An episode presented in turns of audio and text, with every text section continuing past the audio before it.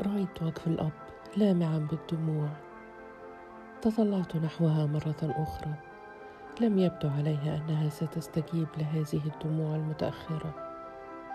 كنت أريد أن أعرف المزيد. قلت هل كانت تحبه؟ فقال هي التي أحضرته إلى البيت. قلت كيف تعرفت إليه؟ هل هو جاركم في الشارع؟ فقال كانت قليلة الكلام عنه. هو نفسه لم يكن يتكلم كثيرا. أحيانا كان يشرب بعيدا ويصمت ويصبح وجهه قاسيا. أحيانا كان يغيب لأيام طويلة ولكنها لم تر ذلك. كان مجرد رؤيتها له يجعلها لا تكف عن الضحك والابتسام. وهذا ما دفعني إلى قبوله. على الرغم من أنني لا أعرف عنه شيئا. بوجه عام أنا لا أعرف كثيرا عن أهل هذه المدينة. فقد غبت عنها طويلا. كل ما فعلته هو أنني سألت عنه الأستاذ عطية الحلاق. قال لي أنه شاب طيب ومكافح وله مستقبل مشرق. كان هذا كافيا بالنسبة إلي ولكن الأهم هو أمارات السعادة التي كانت تظهر على وجهها حين تراه أو حتى تسمع اسمه. خمدت النار وتحولت كتلة الخشب إلى جزوات مرتعدة. لم أشعر برغبة في القيام وبدأت ظلمة الليل في التكشف أخيرا. سرت في السماء خيوط من ضوء رمادي. حضرت مجموعة من الرجال الشرطة. نظروا إلينا في ريبة وأمرونا بالابتعاد. كنت أخشى أن ينفذ الضابط تهديده ويأخذها إلى زنزانة القسم ولكنهم اكتفوا بالوقوف حولها حتى يحموها من المتطفلين. نقل الأب جلسته إلى مكان آخر على مبعودة منها. تأملت وجهها. وهو يضاء بأنوار الصباح شاحبا ورقيقا عليه مسحة من غموض الرحيل. وكأن جسدها على وشك أن يشف ويتحول إلى روح هائمة. تطل علينا بعيون متأملة وحزينة. لم أذهب إلى الكلية في هذا اليوم. أقنعت نفسي أن من الاجدى أن أنام قليلا. ثم أكمل يومي في المذاكرة ولكني لم أفعل. كان نومي مضطربا مليئا بالكوابيس. رأيت الضابط وهو يعاود اغتصاب ورد لعدة مرات. نهضت مفزوعا وجسدي يغمره العرق. تركت كتب المذاكرة مكومه على مكتبي وهبطت إلى الشارع. سرت إلى الجزء القديم والبائس من المدينة. خلف صهريج المياه والمحال الواطئة المعتمة التي لا تستطيع أن تتبين ما فيها من بضائع. سألت أكثر من واحد حتى وصلت إلى مكان صالون عطية الحلاق. كان يشرف على ميدان صغير وسط زحام البيوت. مراياه مليئة بالبقع السوداء. والمقعد الوحيد به ممزق الجلد تطل منه كتل الأسفنج. كان جالسا على مقعد خارج محله. نهض حين رآني قادما وقد حسب أنني زبون. أخذ فجأة يلعن الزمن والموضة التي جعلت الجميع يطيلون شعورهم من دون رادع. اضطررت أن إلى أن أخضع له. أخضع له رأسي طائعا. لم أكن في حاجة إلى دفع للحديث. كان مثل كل الحلاقين ما إن تبدأ أصابعه في التلاعب بالمقص حتى يبدأ لسانه في التحرك بالكلام. كان هناك عصبا واحدا يربطهما معا. يفعل ذلك وهو ينظر إلى تعبيرات وجهي في المرآة ليرى أي الأخبار تثير اهتمامي؟ وكان لابد للحديث أن يقوده إلى ورد. قلت له فجأة من هو حسن؟ هل تعرفه? تنهد في ارتياح. لم يكن يحب الزبائن المتجهمين ولا الصامتين. التهم بالمقص خصلة كبيرة من شعري وهو يقول إنه صديقي يا محترم أنا أقرب الناس إليه ربما أكثر من تلك الفتاة الواقفة في المحطة. سألته هل هو من بلدتنا؟ قال هل من المعقول ألا تعرفه؟ إنه ابن الأسطى بيومي الذي مات في اضطرابات المصنع وقت غلاء الأسعار. كان هناك الكثير من الإضرابات وعديد من الموتى. بسبب التدافع وضرب العساكر والاختناق بالغازات المسيلة للدموع. والتعليق من القدمين رأسا على عقب داخل الأسوار قسم أول. والنفخ والتعذيب والضرب بالفلقة كان هذا هو الأمر الطبيعي في مدينة لا يخلو هواءها من رائحة النشادر ولا تكف الأسعار فيها عن الارتفاع. ولا تنخفض أصوات الاحتجاج. قال وهو يمصمص شفتيه. الله يرحمه. كان بطل بجد. هو الذي منع العمال المتهورين من حرق ماكينات المصنع. قال لهم هذا رزقنا وقوت أولادنا. وتصدى لهم جميعا وهددهم قائلا مروا على جسدي اولا.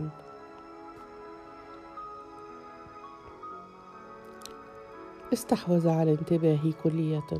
قلت في توجس وهل مر العمال على جسده؟ قال بالطبع لا كانوا يحبونه وكانت كلمته مسموعة. ولكن عساكر رجال الأمر الأمن المركزي هجموا فجأة من مكان ما ضربوا العاطل بالباطل ومرة أخرى حاول الأسطبيومي أن يمنعهم من الاعتداء على العمال ولكنه سقط تحت أحذية الجميع.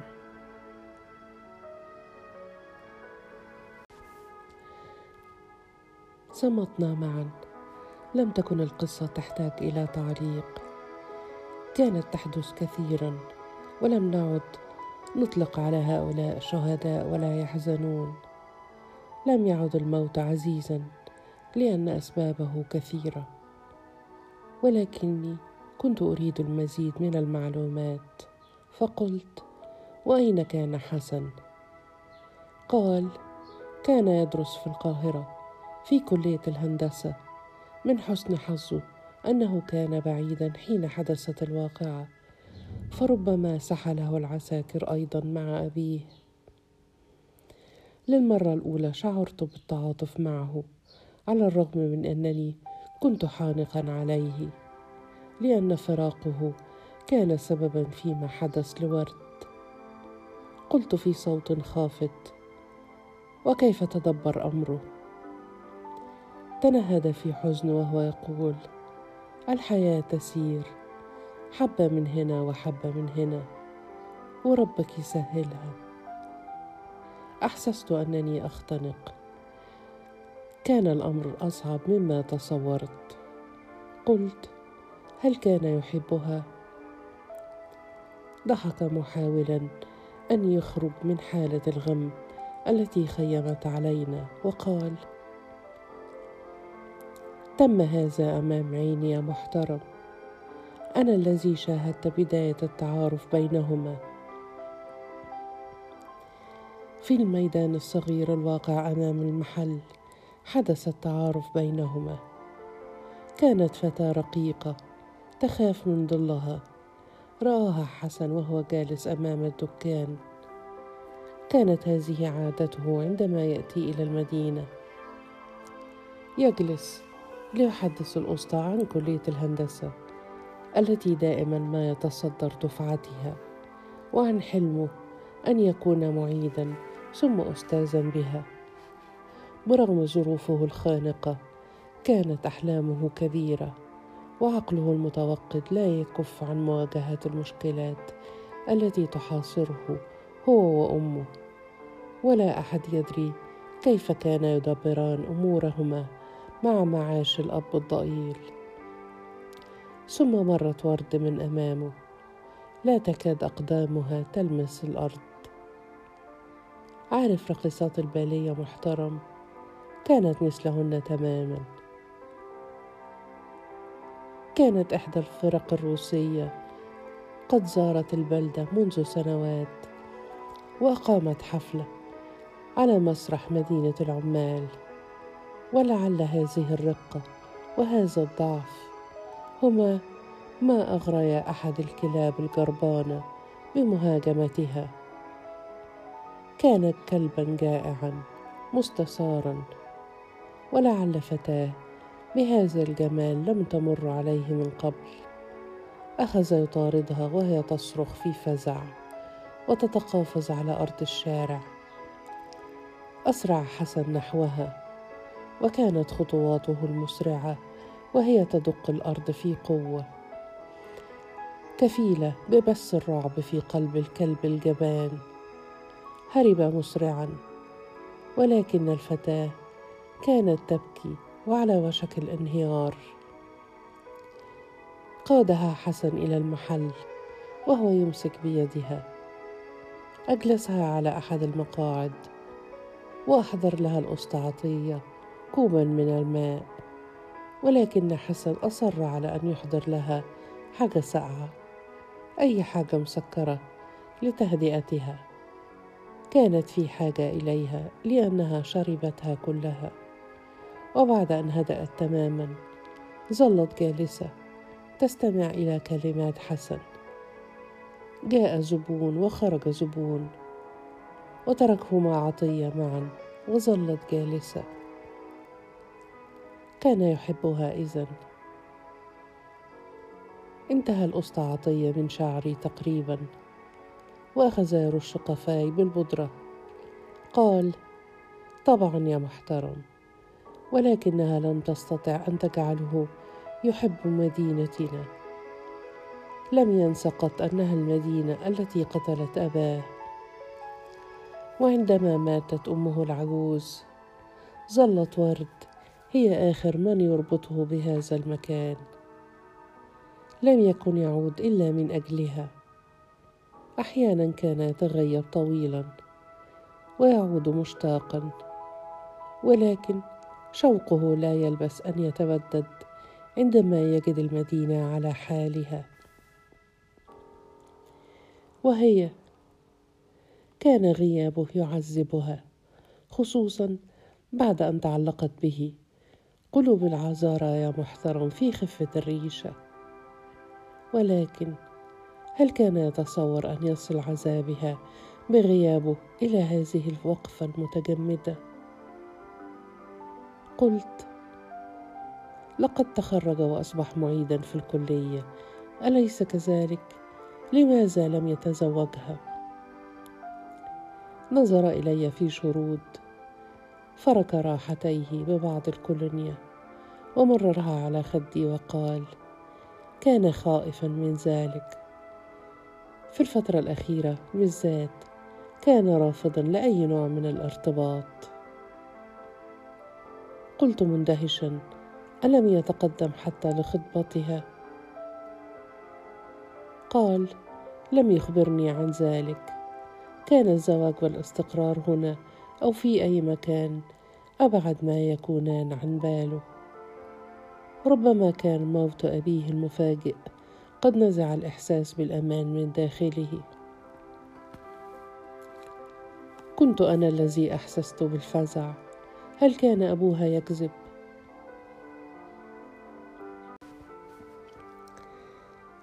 أذكر لي ان هذا الرجل سال عنه أم أن الفتاة كانت تكذب على نفسها؟ هل كانت تحبه إلى درجة التفاني؟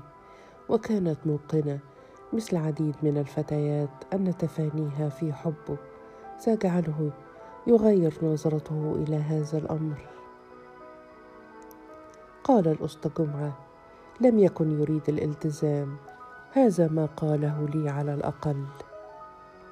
قلت مستريبا. ربما كانت له حبيبة أخرى في القاهرة. قال في غموض. ربما.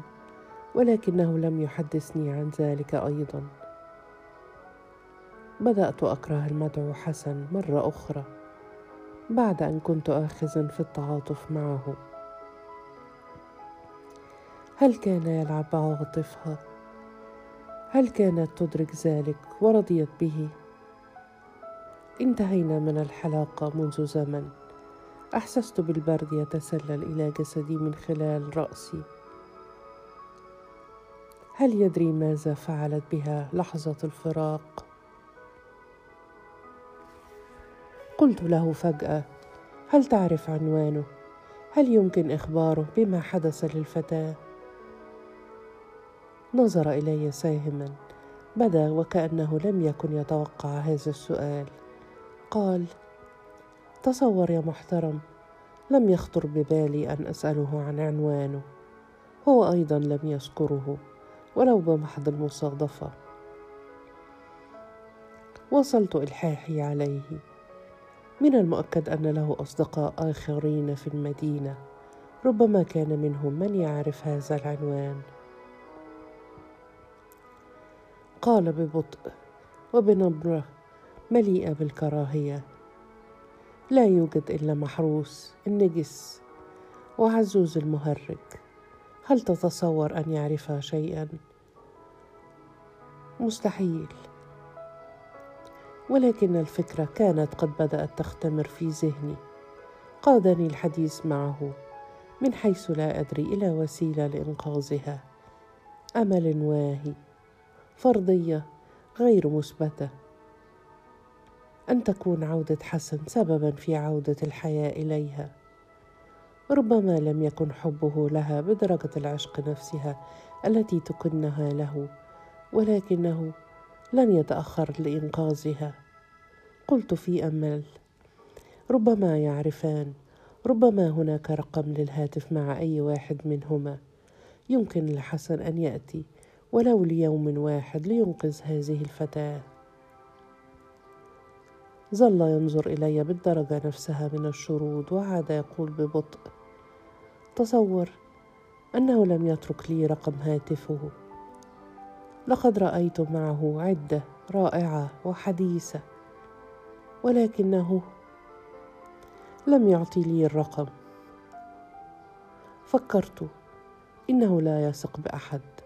ولا يرغب في الزواج من الفتاه التي تحبه ولا يأمن لأصدقائه. قصصت شعري عبثا.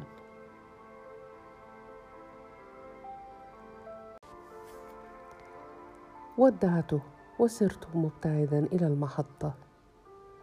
رأيتها حزينة وجامدة ربما أكثر من ذي قبل. يجلس العساكر على الأرض حولها. وهم يتثاءبون في ملل.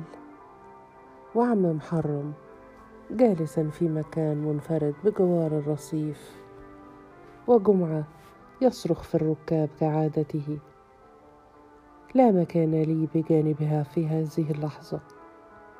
عدت إلى البيت وحاولت أن أغرق نفسي في المذاكرة.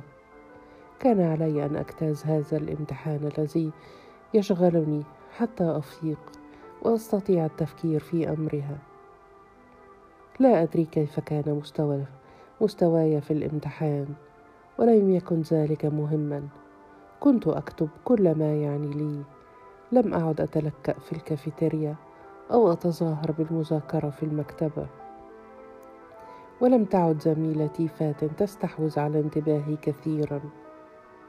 كان ما يهمني حقا هو أن أجلس بجوار, بجوار ورد وخاصة في الليل عندما تخلو المحطة وتطبق عليها الوحدة. كنت قد انقطعت عنها لعدة أيام. ظلت وحدها من دون نار موقدة من دون أن يوجد عم محرم. تبدو في آخر لحظات عمرها بلا قمر ولا نجوم ولا قطارات عابرة ولا حبيب يتذكرها.